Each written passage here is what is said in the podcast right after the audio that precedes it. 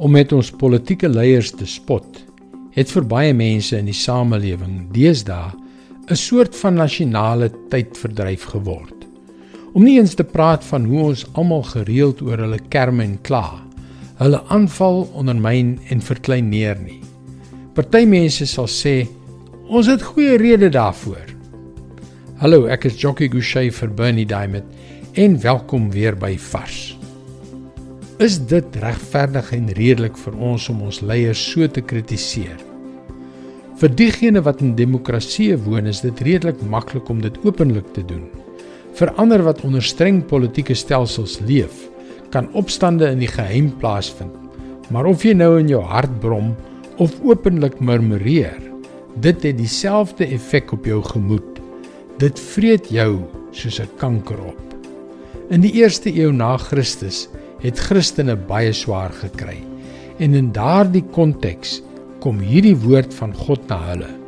Titus 3 vers 1 en 2. Herinner die mense nadruklik daaraan dat hulle hulle aan die owerheid en gesag moet onderwerp, daaraan gehoorsaam moet wees en bereid moet wees om alles te doen wat goed is.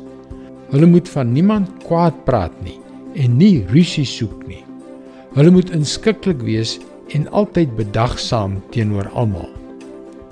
Daar is nie 'n enkele regering in die wêreld wat altyd goeie en goddelike wetgewing maak waardeur mense altyd eerbaar en regverdig behandel word nie. As ons kyk na God se ongelooflike liefde en absolute volmaaktheid, was alle regerings van die begin af onvolmaak. Gegeewe daardie werklikheid, laat ons net hierdie gedeelte weer lees en dit laat insink. Herinner die mense nadruklik daaraan dat hulle hulle aan owerheid en gesag moet onderwerp. Daaraan gehoorsaam moet wees en bereid moet wees om alles te doen wat goed is. Hulle moet van niemand kwaad praat nie en nie rusie soek nie. Hulle moet inskikkelik wees en altyd bedagsaam teenoor almal. Dit is God se woord. Vars vir jou vandag. God se liefde en sy teenwoordigheid deur sy gees in ons verander alles. Alles. Jou hart, jou gesindheid, jou lewe, jou toekoms, jou ewigheid.